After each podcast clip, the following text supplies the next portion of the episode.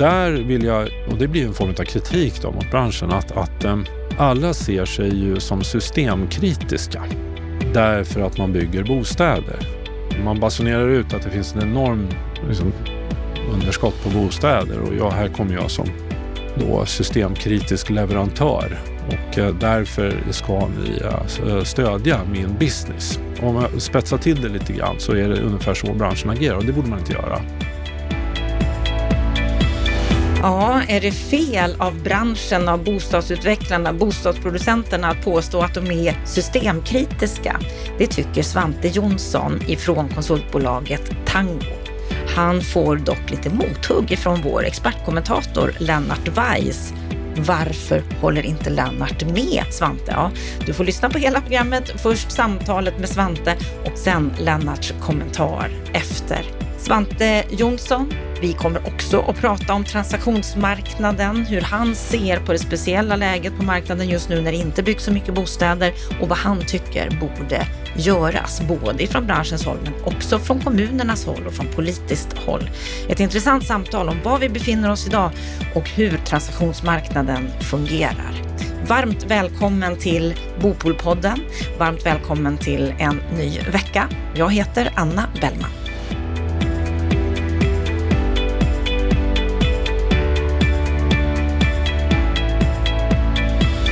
Fastigheter och fastighetsaffärer, ja det har ju varit en tuff marknad det senaste ett och ett halvt året. Hur går det egentligen för transaktionsmarknaden just nu? Hur mycket har priserna sjunkit? Vilka segment har drabbats värst? Hur ser det ut framåt? Det ska vi ta reda på idag. Och därför säger jag välkommen till Bopolpodden, Svante Jonsson. Tack så mycket.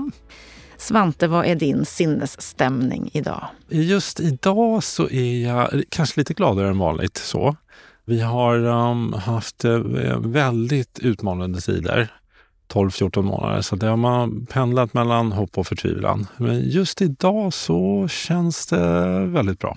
Tack. Någon särskild anledning? Ja, alltså, när man har pysslat med transaktioner och kapitalanskaffningar så länge som jag har gjort så blir det så att man är lite av en deal junkie. Brist på svenska ord här, men man mår helt enkelt väldigt bra när det blir affärer. Och så mår man lite sämre när det inte blir affärer. Och eh, idag har jag i känslan i kroppen då att tango kommer få till en hel del affärer. Så just idag så känns det väldigt bra. Då får vi hoppas att den känslan håller i sig även när det här programmet sänds. Det är bara några dagar bort. Så att, eh, Absolut. Det här spelas in några dagar i förväg. Du, Svante, du har ju en bakgrund som fastighetskonsult och precis som du nämner så arbetar du idag i Tango. Du var med och startade det konsultbolaget Stämmer. 2019. Mm. Ni är rådgivare för att skapa just bättre affärer i fastighets och kapitalmarknaden. Vad är det konkret ni gör? Ja, vi agerar rådgivare som vi säger då och det betyder att den vanligaste uppgiften det är att se till att någonting blir sålt. Att någonting ska byta ägare. Det kan vara ett bolag eller det kan vara en fastighet eh, som ska byta ägare. Så det är det vanligaste vi ägnar oss åt då. Utöver det så skaffar vi fram pengar till eh, bolag som vill göra saker inom fastighetsmarknaden då. Vanligtvis och historiskt så har det handlat mest om bostadsutvecklingsprojekt. Det har varit eh, grejen då. Men eh, i, i, övrigt då så ägnar vi oss åt lite av eh, strategisk rådgivning åt eh, längre återkommande kunder. Sådär. Vad ska man göra? Hur mycket ska man göra? Och när ska man göra? Eh, frågor. Och hur ser en vanlig kund ut hos er? Våra vanligaste kunder är eh, de eh, börsnoterade bolagen och eh, de större fonderna kan man sammanfatta det i. Men vi har, vi har ett brett spektrum av onoterade familjeägda bolag, institutioner, inhemska bolag, utländska bolag. Så det är en ganska bred kundbas. Så.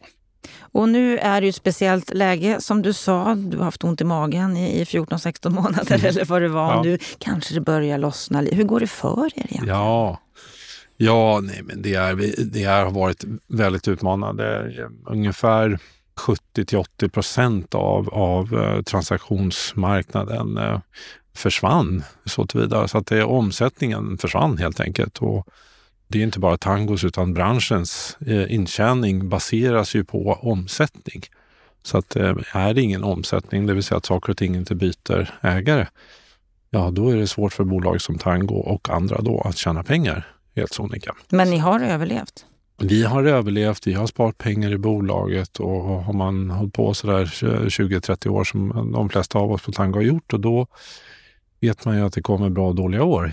Även om minus minusräntan som har vi levt med i åtta år så där har ju gjort att det har varit raketbränsle i branschen. Då, så att det är lätt att glömma bort för att det har varit väldigt eh, goda år för de allra flesta av oss då.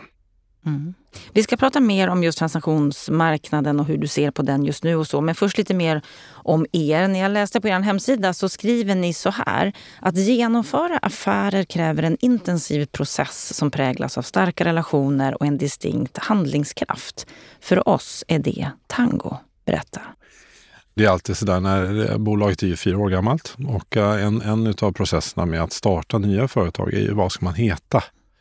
Det är som en sån här identitetskris tror jag som många bolag går igenom och eh, i vårt fall då så föll det på Tango och eh, det kommer i grunden av att det fanns en fascination runt bokstaven T då, då vi hade startat bolaget tidigare på bokstaven T. Eh, och när man ska bokstavera ut T på engelska, eh, då, då säger man ju tango. Så där landade liksom ordet tango. Sen så ja, det, så kanske vi kan heta, men då måste vi lära oss lite sådär om, om kulturen och vad det är för någonting och så vidare. Och ju mer vi lärde oss om det där så tyckte vi att um, det fanns eh, poänger eh, kopplade till vår verksamhet, vad vi har hållit på med. Alltså det är hur många gånger som helst så har man ju sagt i ett förhandlingsrum, då, it takes two to tango, när man ska komma överens. Att ehm, eh, det, det liksom klassiska uttrycket då. Sen i kulturen runt tango så är lärde vi oss att det är en väldigt tolerant kultur. Det är man ung dansar med gammal. Det finns inga åldersgränser sådär, utan tvärtom så är det väldigt eh, tolerant på den fronten. Och det är eh, också så att män dansar med män och kvinnor dansar med kvinnor. Och under själva dansen så är det också lite oklart vem det är som för. Så där, att det pendlar väldigt mellan, just mellan man och kvinna. Då. Att ena stunden så är det mannen som för och andra stunden så är det kvinnan. Och så där. så det fanns en tolerans i i, i det där och inkluderande då. Och då började vi liksom förtjusta i det där och tycker också då, för att komma tillbaka till din fråga här, att, att det påminner väldigt mycket om, om eh, när man ska få till en affär. För det gör, affärer görs ju mellan människor och um, då kommer det där med relationer och karaktärsdrag och att uh, vissa människor är mer kompatibla med andra och, och så. Och vår uppgift är ofta att eh, då få till det trots att det kanske i de där grundförutsättningarna inte finns då på plats. Och, och då är det vår uppgift att se till så att de finns på plats. Och nu tänker jag i de här lite kärvare tiderna då, då det är svårare att få till affärer eller mm. nästan omöjligt, det har mm. verkligen tvärbromsat. Mm. Är det liksom viktigare eller svårare att bjuda upp till dans och få till de här bra relationerna? Eller blir det mer liksom att man fokuserar på själva affären om du förstår vad jag menar? Ja, det ska man ju villigt erkänna att det är enkelt, och, eller enkelt, men det är enklare att prata om betydelsen av relationer i, i goda tider än vad det är i, i svåra tider. Sen så är vår uppfattning att, att fundamenta är att det är relationsbaserade transaktioner som sker i stor utsträckning då i, i, i den svenska marknaden. Nu, nu, nu ja, jobbar vi utanför landsgränser också och, och då finns det andra eh, parametrar och så. Men, men vi tror att det är, är så. Men vad jag vill säga med det är att nu har vi haft dramatiska förändringar på den ekonomiska sidan då med inflationsutvecklingen som gav en ränteutveckling. Och, och då kan man ju som, som rådgivare inte klamra sig fast vid att eh, det är på något sätt trevligt och bra och goda relationer, så långsiktigt tanke och sådär, utan man måste ju förstå den liksom grundläggande ekonomiska fundamenta. Och här, här har vi haft liksom en dramatisk förändring och då vill det till att man kan anpassa sig till det. Vårt sätt blir väl liksom hur man anpassar sig till det då, vilken typ av affärer vi föreslår och, och, och sådär. Ändrar det sig under den här tiden? Ja, det gör, det gör det. Affären måste se annorlunda ut eftersom utan att eh, fastna i, eh, i, i ekonomiskt mambo jambo. Men avkastningen på eget kapital förändras ju väldigt, väldigt fort. Eh, och kravet man har Alltså vilka investeringar som helt enkelt kan möta ens avkastningskrav på eget kapital. Och då är det bara så att vissa transaktioner som tidigare gick att göra går inte att göra idag.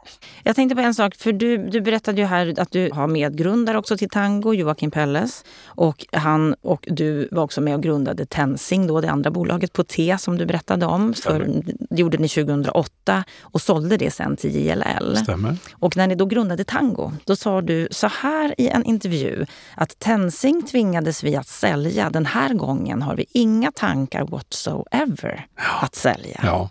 Står du fast vid det Ja. idag, trots den här kristiden? Ja, jag står fast vid det. Det här är det här är Joakim och jag och, och övriga partners eh, får naturligtvis uttala sig själva, men, men Joakim och jag har ju den uppfattningen att det här är det vi tycker om att hålla på med. Så att eh, vi, vi, vill, eh, vi vill se till så att tango blir riktigt, riktigt bra och, och håller länge. Och vi har lärt oss massor genom de här åren hur man gör det, alltså hur man bygger en sån kultur och, och bolag för att det ska funka.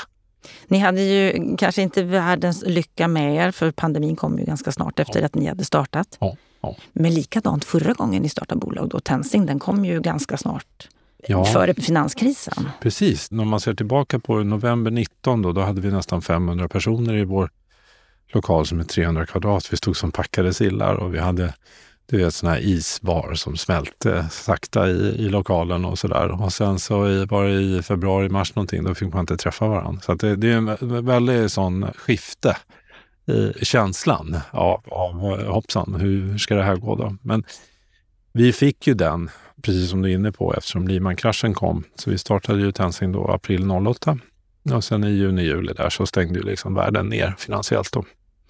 Och jag hoppas att vi lär oss någonting då och jag tror det också. Och vad var det viktigaste ni lärde er? Ja, det viktigaste man lär sig, som jag eh, säger till eh, mina kollegor då, det är det här med att gräva där man står. Det skulle jag påstå är, eh, om jag får välja en sak. För när såna här omvälvande händelser på, konjunkturellt händer, så, så har jag sett hur kollegor snabbt tänker att nu måste jag göra någonting helt annat helt annorlunda. Man sneglar på någon annan som är bra på något och så vill man starta det och göra likadant och så där. Och, så, och då tappar man eh, kraft och tid utifrån det man är bra på. Så gräva där man står skulle jag vilja påstå är, eh, är grejen. Och nu är det ju då många som skulle behöva göra det ännu mer. Mm. Med tanke på läget på transaktionsmarknaden. Som du var inne på så, Mm. så är det tufft Det är tufft. just nu. Det har ju Ja. varit en rejäl inbromsning. Hur skulle du säga att du ser på själva transaktionsmarknaden idag? Ja, jag ser att den är eh, fortsatt ansträngd. I, eh, man kan välja att ha lite olika infallsvinklar ändå, skulle jag påstå. Det, ett sätt kan man säga att den tuffar på. Sådär. Alltså volymerna, de underliggande volymerna, de är visserligen ner då 50 procent sedan förra året. Men det är en respektingivande siffra, trots allt det. Sverige har liksom visat att det är en likvid marknad, att folk vill göra saker med varandra. Tittar man lite noggrannare så kan man väl i och för sig säga då att tio transaktioner står för hälften av volymen nästan. Och då är det klart att som rådgivare då, om man är som konsult så att säga, som ska tjäna pengar på omsättningen, då vill det ju till att du var närvarande de där tio gångerna. Annars blir det liksom svårt att tjäna pengar. Så det är lite hur man väljer att se på det. Det finns en, en fungerande transaktionsmarknad i Sverige och eh, jag tycker vi har alla anledning som, att, att, att säga att Sverige fungerar i den, i den Fast aspekten. den är mindre. Väsentligt mindre, ja. Och hur långt ifrån varandra skulle du säga att köpare och säljare är idag? Långt, generellt sett. Långt. Finns det några Eh, tecken på att de kommer närmare varandra? Ja, men det gör det väl. Vi har kanske en tro att, att um, vi börjar närma oss en punkt i, i, i marknaden där...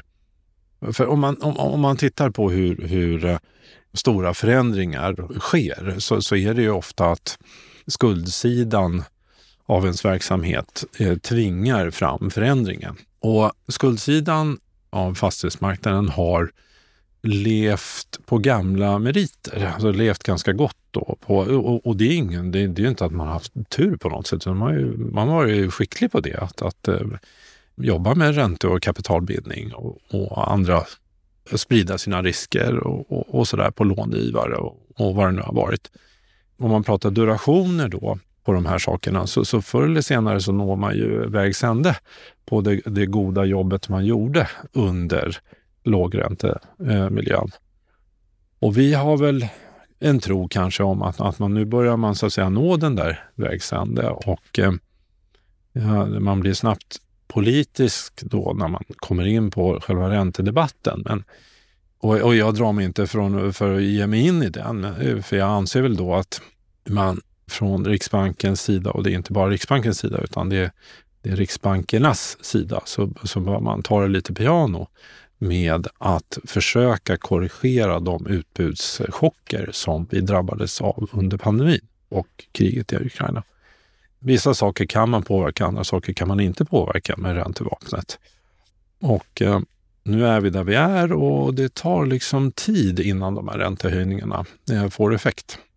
Och nu men, har vi förmodligen men, två till att vänta här i höst. Ja, exakt. Va? Och, och, och, och då tillbaka till, jag, blir, jag svävar ut verkligen här i frågorna märker jag, men tillbaka till själva frågan då. Det är att jo, vi kanske tror då att omsättningen kommer att eh, lossna framåt Q4 här därför att de här eh, durationerna jag pratade om, då börjar man se liksom horisonten på. Och, uh, vi har haft en rapportering runt ränteutveckling och, och, och, och så där i Sverige som liksom på ena sidan i tidningen så står det att det här, räntorna kommer att stiga och sen på andra sidan i tidningen så står det här ett visst datum har det varit så här, under 2024 då. Det där har justerats under resans gång men det har stått att här blir det sämre och sen så på den här sidan så står det men snart blir det bättre.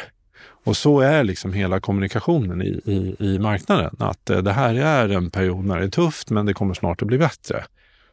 Då finns det många aktörer som så att säga, har klamrat sig fast vid den högra sidan i tidningen. Det kommer att bli bättre. Ja, det kommer att bli bättre. Och väldigt vi, snart. Ja, mm. Så vi behöver kanske inte göra så stora förändringar i vår balansräkning.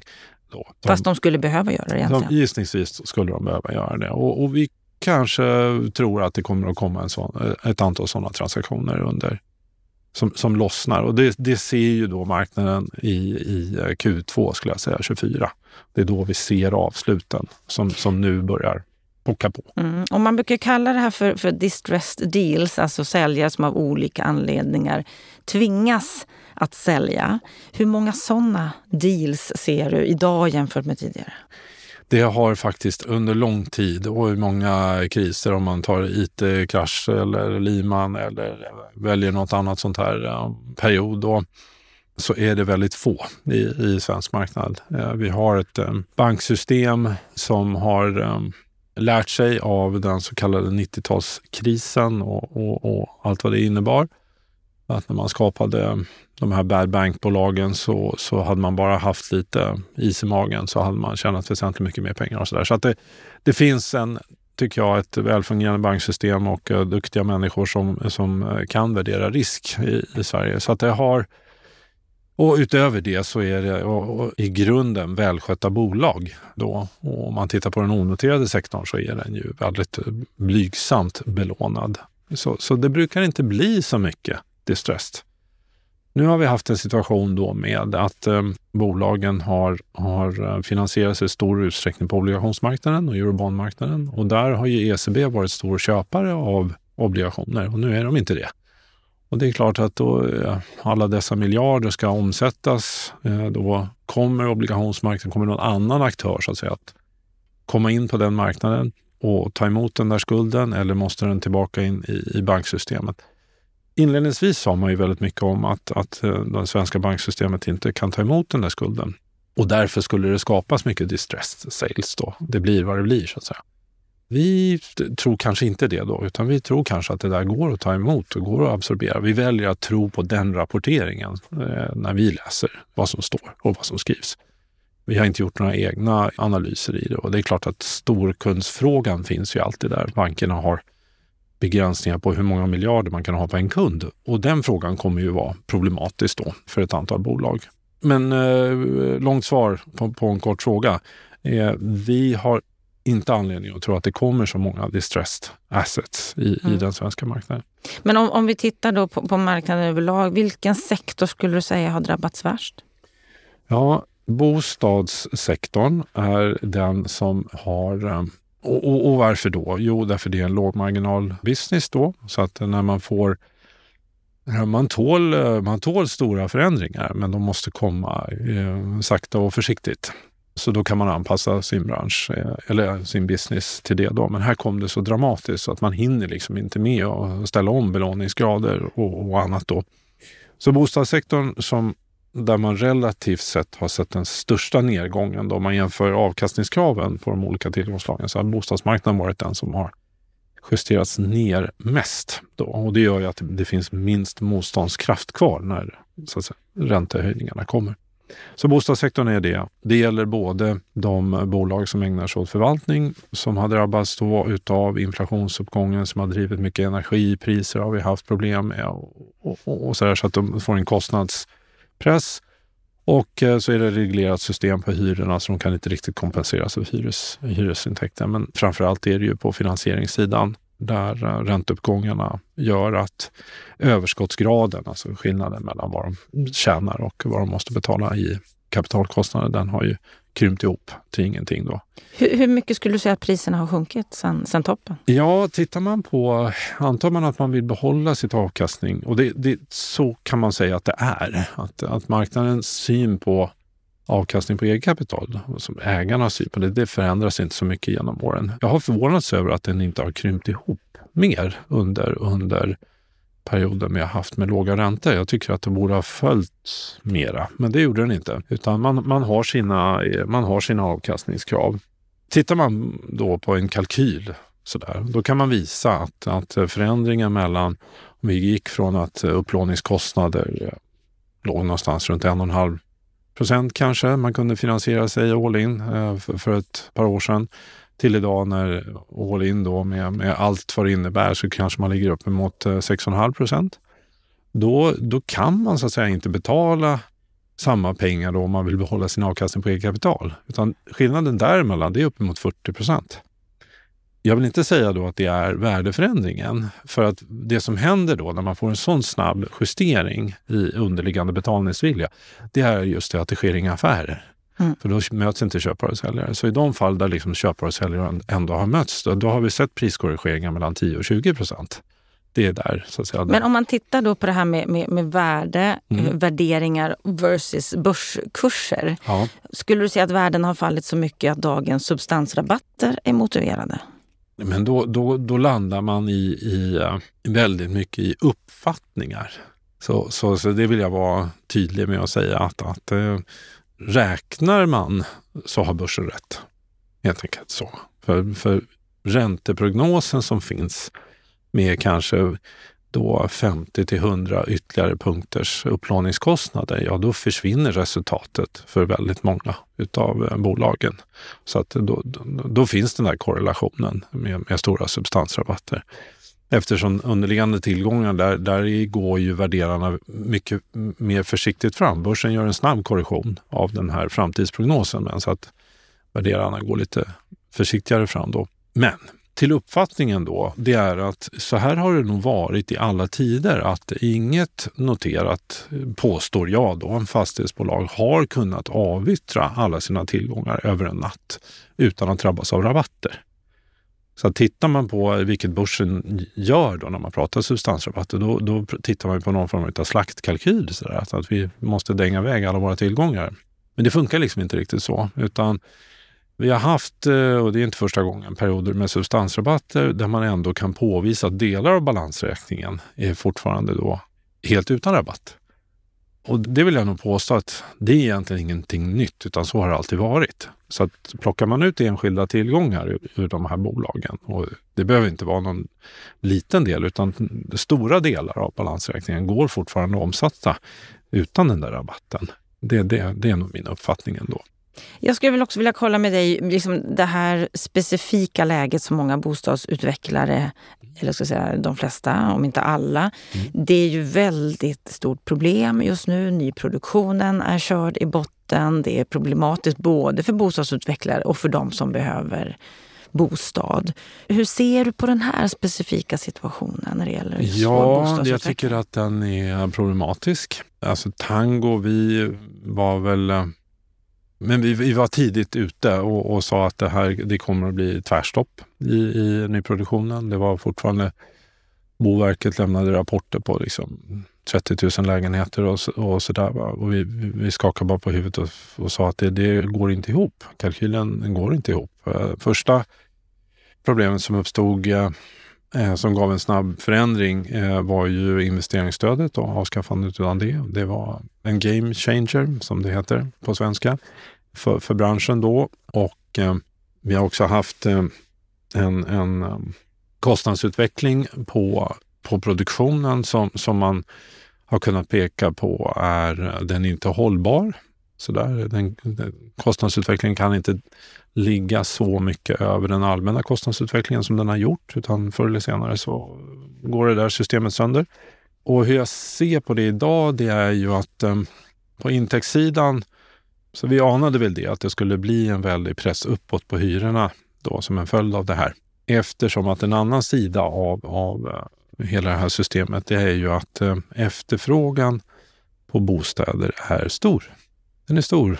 Eh, inte överallt, men, eh, men på många platser i Sverige är den stor. Och eh, den där efterfrågan kommer ju hitta vägar fram helt enkelt till ja, sin produkt till utbudet. Och, och nu får vi se då att det blir 20-25 procents hyreshöjningar i, i nyproduktionen den som sker. Vi har haft ett, ett överskott, ett stort överskott av utländskt kapital som har finansierat nyproduktionen i Sverige. Och det kapitalet har fått, sina, liksom, fått utmaningar i det att Sverige har visat sig vara inte så stabilt som de hade hoppats på. Konjunkturellt och så där så har ju hela västvärlden liksom åkt in i samma problematik. Så det är inte det, utan det har varit att vi har haft ett rättssystem som har sagt saker som ingen eh, riktigt var beredd på. Som exempelvis? Eh, det har varit hovrättsdomar om, om till exempel recensionshyra. Mm. Och liksom snabba förändringar i det systemet där ehm, det utländska kapitalet, rätt eller fel, det, det, kan vara inhemska aktörer som säger att ja men det visste ju alla. Ja men marknaden fungerar inte så. Så att eh, då får man som kritiker så får man acceptera hur marknaden fungerar. Om marknaden fungerade så att presumtionshyressystemet var ett slags avtal. Man, man tyckte sig veta hur hyresutvecklingen skulle se ut. Då. Sen om den skulle variera inom någon procent hit eller dit, det, det låg med i kalkylen. Eh, men, men att, att som hovrätten gjorde då ta bort den här möjligheten att, att få en, en allmän hyresutveckling för presumtionshyror. Det, det, var också ett hårt slag mot finansieringen av nyproduktion. Så hur jag ser på det? Ja, jag ser att situationen är väldigt problematisk. Att, att det är, eh, man har väldigt svårt att få fram ett utbud. Och, det... och, vad är det man borde göra? Hur ska vi få fart på bostadsbyggandet? Oj, igen, ja. från ditt perspektiv. Ja, det där är ju uh, är sådär ämnen som, som uh, man kan ägna lång tid åt, åt då, eftersom det är... Det börjar ju med uh, planmonopolet och hyresregleringen, om man tittar på hyresrätter. Men planmonopolet påverkar ju även då äganderätten, alltså bostadsrätt och andra upplåtelseformer. Så, så Eh, utbudet av mark och eh, lagstiftningen runt utbudet är det som, som man långsiktigt måste arbeta med. Och eh, helt enkelt ta bort möjligheter att överklaga och, och såna här saker. Man ska inte kunna driva samma frågor i bygglovsfas som man kan i detaljplanefas och sådär. Sådana avarter måste vi liksom få bort ur systemet. Och för att komma bort från att det tar mellan sju och nio år att sätta en bostad på plats. Eh, för risken med en sån utsträckt tidsplan eh, kostar väldigt, väldigt mycket. Eh, det vill säga, ska man reservera pengar som man inte vet när man får avkastning på, då sätter man sådana pengar hög risk. Och den där höga risken ger höga räntor och höga räntor under lång tid gör att det blir väldigt dyrt att bygga. Så det, det måste vi långsiktigt arbeta med. Och när det gäller hyresregleringen så är det just det att eh, systemet är en eh, någonting som är svårt att förklara, svårt att förstå sig på och eh, lite ogenomträngligt sådär. Och bra, väldigt, väldigt bra för insiders och är väldigt, väldigt trassligt då för de som är utanför. Och det gäller både producenterna, ägarna eller konsumenterna. Det är insider och outsider problematiken är, är genomlyser eller genomsyrar systemet. Då. Så, så där krävs det ett kontinuerligt arbete på, på hyresregleringssidan. Och det där är långa frågor. Då. Så men på den korta sidan och det korta perspektivet så behöver man arbeta med eh, finansieringsformerna. Ja, du sa ju att, att ta bort investeringsstödet var en game changer. Ja, skulle var... du vilja se någon annan typ av produktionsstöd? Ja, det, det skulle jag vilja. Eh, Till vem? Mm, precis, och, och då nu har man ju liksom chansen. Nu sitter man här och snackar i en eh, podd och då får man ju eh, ja, oemotsagd. Sådär. Exakt, ja, bara säga vad du tycker. Det är bara att ösa på då. För jag är fullt medveten om att det finns avvikande uppfattningar. Men jag, jag, jag anser att det behövs ett, eh, någon form av stöd då, om man ska producera eh, hyresrätter till lägre hyra. För kostnadsutvecklingen är då någonting vi måste arbeta med. Att få ner produktionskostnaderna. Men det gör man inte över en natt. Utan, utan eh, då tycker jag att stöd kopplade till hyran, ja men det, det fungerade väl. Och man uppnådde någon slags mål med det. Ska man nu då tillbaka till det? Ja, det kanske man inte ska så att oavkortat bara säga att det där. För att just problematiken kring att stöd driver kostnadsutveckling, där behövs det någon form av nytänkande, anser jag då. Så att eh, vad är kommunens eller statens incitament att, att ge stödet till branschen? Branschen det vill säga då bostadsutvecklarna eller bostadsbyggarna eller, eller eh, producenterna om jag sammanfattar dem. Där vill jag, och det blir en form av kritik då mot branschen, att, att eh, alla ser sig ju som systemkritiska därför att man bygger bostäder. Man basunerar ut att det finns en enorm liksom, underskott på bostäder och jag, här kommer jag som då systemkritisk leverantör och eh, därför ska ni eh, stödja min business. Om jag spetsar till det lite grann så är det ungefär så branschen agerar och det borde man inte göra. Utan, Hur borde man agera? Ja, eh, staten borde, borde fundera över eller mottagarna av stödet borde fundera på vad är så att säga, incitamentet eh, för att ge det här stödet och säga att, att vi gör det här. Det kan vara ett arbete inom miljöområdet. Det kan vara eh, ett arbete inom alla möjliga frågor, säkerhet eller integration eller, eller vad det är. För det, det politiska systemet, tycker jag då, finanspolitiska systemet, de ska ju arbeta för utbud. Då. För det är eh, eh, någonting som så att säga, västvärlden mm, borde fundera över eh, just nu. Det är ju de här utbudschockerna som pandemin drev fram. Och då ska man ju långsiktigt arbeta, och det, det gör man naturligtvis, men att långsiktigt arbeta för att man, vi har ett mer kontinuerligt hållbart utbud av saker och ting. Och en sak som då sådana här eh, kristider på nyproduktionssidan för med sig, det är att utbudet av byggnadsarbetare är ju hotat. Att vi, vi, utbudet av kompetens inom olika områden är hotat.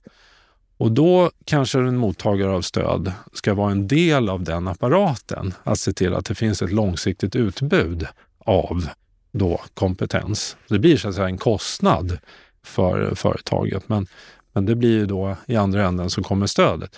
Så, så, det är ett sätt man kan, man kan bli mera systemkritisk och inte kalla sig systemkritisk bara därför att man producerar bostäder. Man måste se sin del i hela dansen. Ja, jag tror det. Jag tror det. Jag tror att det måste mer av sånt i diskussionen för att stöden ska komma igång. Och vad är det viktigaste du vill se från politiskt håll? Ja, politiskt håll. På kommunalt håll så handlar det om, om finansiering tror jag. Eh, man måste erkänna tidens betydelse. För idag så har eh, man från kommunernas eh, sida, enligt mig, uppfattningen att tid inte spelar någon roll. Man vet om att tiden är, alltså, grundläggande ekonomiska samband förstår man naturligtvis och man är inte korkad på något sätt utan det här är ju kompetenta människor. Men, men det finns en, tycker jag, nonchalans gentemot tid. Och att ja, du visserligen betalat för den här marken för tio år sedan men det är ju inte vårt problem. Du kanske inte borde ha gjort det. Ja, men sådär. Att eh, det, det, hållningen runt eh, tid och pengar tror jag är viktigt och därför bör man då kanske brygga sådana här perioder eh, genom att finansiera marken, alltså markköpet då och se att det får vara en, infra, en investering. Idag har vi ju en, en, en strikt budgetresonemang, att, att eh, pengarna måste in samma år som de ska ut. Och eh, eh, det tror jag är fel hållning. Så att eh, kommunerna bör börja fundera över ett investeringstanke. Alltså man investerar i sin stad eller vad det nu är för någonting man eh, vill sätta för etikett på det. Och då är det så att den typen av investeringar, det tar flera år att betala. Och då pratar jag om exploateringskostnaderna då förstås. Ty tycker man att de ska tillbaka samma år, att det ska finansieras av markförsäljningar, då tror jag man är fel ute, allra helst i sådana här tider. Då. Skulle det här vara görbart? Jag anser det, att det skulle vara... Mm. Ja, och det skulle göra en skillnad? Gör, göra en skillnad. Idag är det säkert, alltså, och då är vi inne på en, en, en politisk arena som, som andra naturligtvis kan mycket bättre än jag. Eh, men vad är det man blir vald på och sådär? Hur, hur lång tid tar det att förändra sådana här system? Och hinner jag med det under en mandatperiod och gör jag inte det så kanske man inte gör det och sådana där saker. Så jag förstår att eh, det är ett politiskt arbete som jag inte fullt ut förstår. Men i grunden ekonomiska, marknadsmässiga och vad det nu är för något, då anser jag absolut att det är genomförbart. Och då kan vi ju avsluta där vi började, att för att den här marknaden, för att bostadsbyggandet ska verkligen komma igång igen, så behövs det parter som samarbetar. Oh ja. It takes two to tango. It takes two to tango, som vanligt. Som vanligt är det så. Ja, vi får hoppas att eh, ditt inspel kan inspirera till en förändring så att det också blir en skillnad. Stort tack för att du kom till Bopolpodden, Svante Jonsson. Ja, tack så mycket.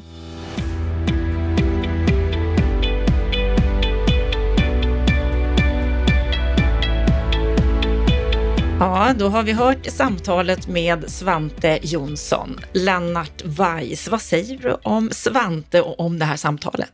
En, en, en viktig del av iakttagelsen är ju hur Svante talar.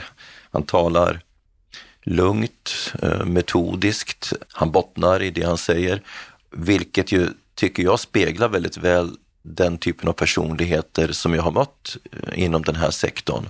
Det är människor som är eh, som har ett lugnt temperament och som är synnerligen analytiska, som eh, förmodligen kommunicerar mellan mage, eh, hjärta och, och, och hjärna hela tiden. Och så är det ju definitivt med Svante. Man ska ha klart för sig att det här är ju en av supertungviktarna eh, inom, inom värderings och transaktionssektorn. Det finns ett, ett, ett, man brukar liksom räkna upp fem, sex, sju namn och i den kretsen så finns Svante. Det är en synnerligen erfaren, kompetent person. Ehm, och därför så är det intressant att lyssna både på vad han säger och hur han säger. Och jag hade gott utbyte av ert samtal. Vi pratar ju en hel del i början, dels om hans egen företagsresa och erfarenheter när det gäller både, både tango och tensing då, att de har startats precis vid kristider. Va, vad säger du om hans erfarenheter här? Ja, det var nog kanske en liten överraskande fråga för Svante som han turnerade väldigt väl, men det man ju vet om företagande det är att det finns ingenting som gör en så bra som när man växlar in sina erfarenheter vid en omstart. Så han har ju varit med om det du beskriver. Han har en väldigt tydlig målbild. Tango ska definitivt inte säljas och då får man nog utgå från att hela företagsbygget är konstruerat på det sättet att i en sån situation kommer de inte att hamna. Du hörde ju också att på tal om de låga transaktionsvolymerna och därmed eh, försvagade omsättningen i, verksamheten just nu så har man liksom samlat i ladorna och tagit höjd för det här. Så att eh, de kommer säkerligen inte att råka ut för samma sak nu. Och sen har de ju som sagt blivit äldre, mer erfarna, de är synnerligen kompetenta. Jag kan mycket väl tänka mig att det är eh, ett antal aktörer som sitter i en klämma som kliver in på, på kontoret på, nu ska vi tänka, det är väl Linnégatan va? Och, och eh, bollar med dem för att liksom analysera olika handlingsalternativ och då är ju Svante och hans team synnerligen välrustat för det. Och den typen av personer som kan bidra med en sån sparring, det är också sådana man gör affärer med sen. Så att det här är ju en kompetensbransch och som förutsätter väldigt lång erfarenhet utöver liksom det hantverksmässiga kunnandet. Och det är klart att, de, att Svante och hans team har det. Vad säger du om hans syn på transaktionsmarknaden?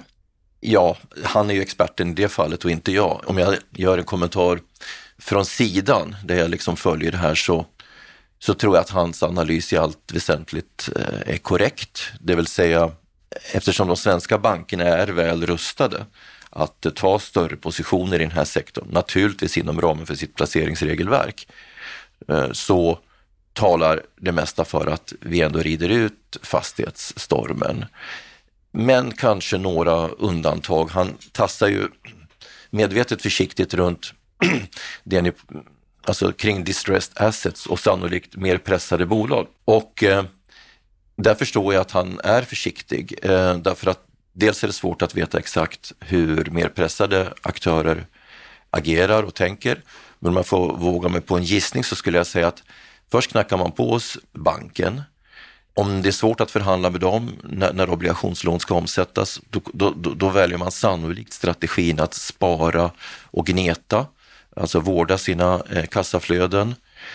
Man försöker sälja någon fastighet hit och dit och, och eh, baserat på erfarenheter från tidigare kriser så vet vi att när det här akuta skedet har kulminerat och, och finansieringsmarknaden börjar kvickna till igen, det vill säga köparna kommer till bordet, man börjar hitta eh, rätt prisnivå, då görs det en och annan affär. Det görs styckeaffärer, man säljer en och annan, en och annan kåk. Och det är så jag tror att de mest eh, pressade aktörerna har för avsikt att bete sig, att liksom övervintra, göra någon affär och så hoppas att man liksom inom ett, två år kommer in i en fas när obligationsmarknaden eh, där man, kan, där man kan omsätta lånen på obligationsmarknaden till helt andra nivåer än idag.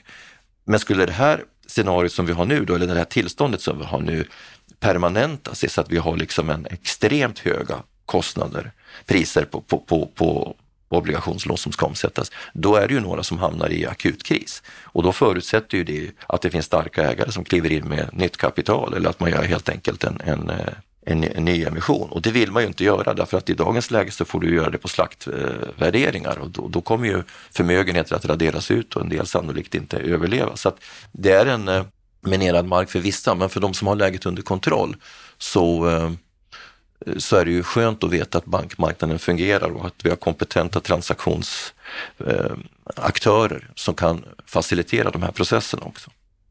En sak som han pratade om och påstod, det var att det är fel av branschen att påstå sig vara systemkritisk. Hur ser du på det uttalandet och hans åsikt här? Ja, det fick mig att fundera lite. Jag är ju en, en, eh, en av dem som är ganska aktiv i den här debatten för min egen del så, så säger jag väldigt, skulle säga aldrig, jag har aldrig använt uttrycket att branschen är systemkritisk. Jag har möjligen sagt att det vore allvarligt om vi får en massiv utslagning av industriell kapacitet på det sättet som skedde på 90-talet, för det finns, fick väldigt stora problem sen när det skedde en återhämtning. Det jag lägger betoningen på det är att det är samhällsbyggandet i sig som är systemkritiskt. Det är min betoning. På vilket sätt då? När det gällde den senaste rapporten så sa vi att vi är på väg mot en djup samhällsbyggnadskris, det vill säga och då är det alltså relationen mellan bostadsbyggande och arbetsmarknad som står i fokus, inte de bostadssociala frågorna framför allt. Om inte bostadsförsörjningen fungerar i de växande regionerna, Stockholm med sin extremt dynamiska tjänsteindustri, Eh, Göteborgsregionen med sitt dynamiska fordonskluster som i sin tur då eh, driver en, en, eh, elektronik och, och IT-sektor i Göteborgsområdet och sen har du hela nyindustrialiseringen i norr med allt från gruvor, batterifabriker och stålverk. Om inte de här regionerna förses med, arbets, med, med bostäder, då kommer inte de här kalkylerna att fungera vare sig för företagen eller för kommunerna. För att kommunerna är beroende av permanenta medborgare och skattebetalare för att deras investeringar ska fungera. Så att för mig är det samhällsbyggandet som är systemkritiskt. Det är det, där jag lägger betoningen och då förutsätter ju det förstås att bostadsmarknaden fungerar. Så att jag har inte den infallsvinkel personligen som Svante eh, kritiserar branschen för, men jag ska fundera på om, om det är så att branschen uttrycker sig så. Jag ska lyssna mot det, men hittills är det ingen observation som jag har gjort faktiskt. Och vad säger du då om hans förslag för att få igång bostadsbyggandet igen? Jag tycker han lägger, han lägger väldigt kloka och eh, korrekta synpunkter på kommunerna, på planeringstider och på hur man så att säga kräver betalning för, för eh, för mark och så vidare. Alltså att se det mer som investeringar som ska så att säga räknas hem på längre sikt, ett väldigt klokt och bra perspektiv. Det är naturligtvis extremt utmanande att faktorn tid idag liksom inte räknas i de här processerna. Kommunerna och samhället i stort värdesätter inte faktorn tid utan beter sig precis så tillbakalutat som Svante beskriver och det är väldigt eh, alarmerande därför att, och jag har sagt det förut, Sverige håller på att bli ett administrativt kösamhälle. Och, och det här sker smygande, till slut så sker en tillvänjning att det ska ta tid i Sverige. Det blir liksom en manjana-kultur. Det är inte alls bra, det är väldigt, väldigt allvarligt. Här och nu så skulle jag säga att eh, problemanalysen ser lite annorlunda ut, för den består utav, egentligen av tre olika typer av finansiella problem. Det första är att aktörerna inte får ihop sina kalkyler. Det saknas helt enkelt lönsamhet. Så där delar jag hans uppfattning att det behövs någon typ av produktionsstöd och det är också det som branschen med något, något enstaka undantag är helt eniga om just nu. Det andra rör den långa finansieringen som är faktiskt svår att lyfta idag. Där är bankerna inte alls lika villiga att stötta långsiktig finansiering vare sig av BRF-projekt eller, eller fastighetsprojekt, vilket gör att många investeringar inte kommer till stånd. Och sen har du kreditiv finansieringen som framförallt då påverkar BRF-sidan. Den faller ju som en sten. Men eh, påverkar sannolikt också hyressektorn. Så kreditivfinansieringen är också ett problem och det betyder ju att bankerna helt enkelt bedömer det som riskabelt att finansiera nyproduktionsprojekt idag. Och de här tre sakerna tillsammans, det finns egentligen en fjärde också, att bankerna inte är så intresserade av att finansiera eller ja, finansiera hushållens bostadsinvestering, det vill säga ställa upp med lån. Så att här finns det ju liksom fyra olika finansiella problem som här och nu ställer till med problem. Men det första är ju lönsamheten i projekten. Om du inte får ihop en kalkyl då fungerar inget annat heller. Och gapet mellan produktionskostnader och eh, vad marknaden kan och vill efterfråga, den är, den är kolossalt stor. Det kommer, som vi har sagt då, ett antal gånger då, som framgår av Veidekkes egna rapporter, så är, har marknadsdjupet förändrats så pass mycket och så djupt att det kommer ta många, många år att eh, få tillbaka en, en, en ordentlig bostadsproduktion. Eh, definitivt för att komma tillbaka till de volymer som krävs för att försörja arbetsmarknaden. Så att om det inte kommer politiska åtgärder, då är jag extremt bekymrad för samhällsbyggandet, primärt för samhällsbyggandet. De industriella aktörerna, jag menar om vi tar Veidekke som entreprenör, vi står på två ben. Vi, vi sysslar i huvudsak med bygg och infrastruktur idag. Vi klarar oss. Men samhällsbyggandet eh, kommer att slås ut och väldigt mycket kapital som som, som eh, har funnits då i projektutvecklingssektorn kommer också att försvinna till andra sektorer. Så det är det verkligt allvarligt. Mm. Det är mycket som oroar, det är mycket som är allvarligt och då kan vi ju faktiskt hinta om att vi kommer att få besöka vår bostadsminister lite längre fram i höst. Så det finns mycket att fråga honom om när det gäller just de här bitarna. Tack Lennart för din kommentar. Tack till dig som lyssnar på Bopolpodden.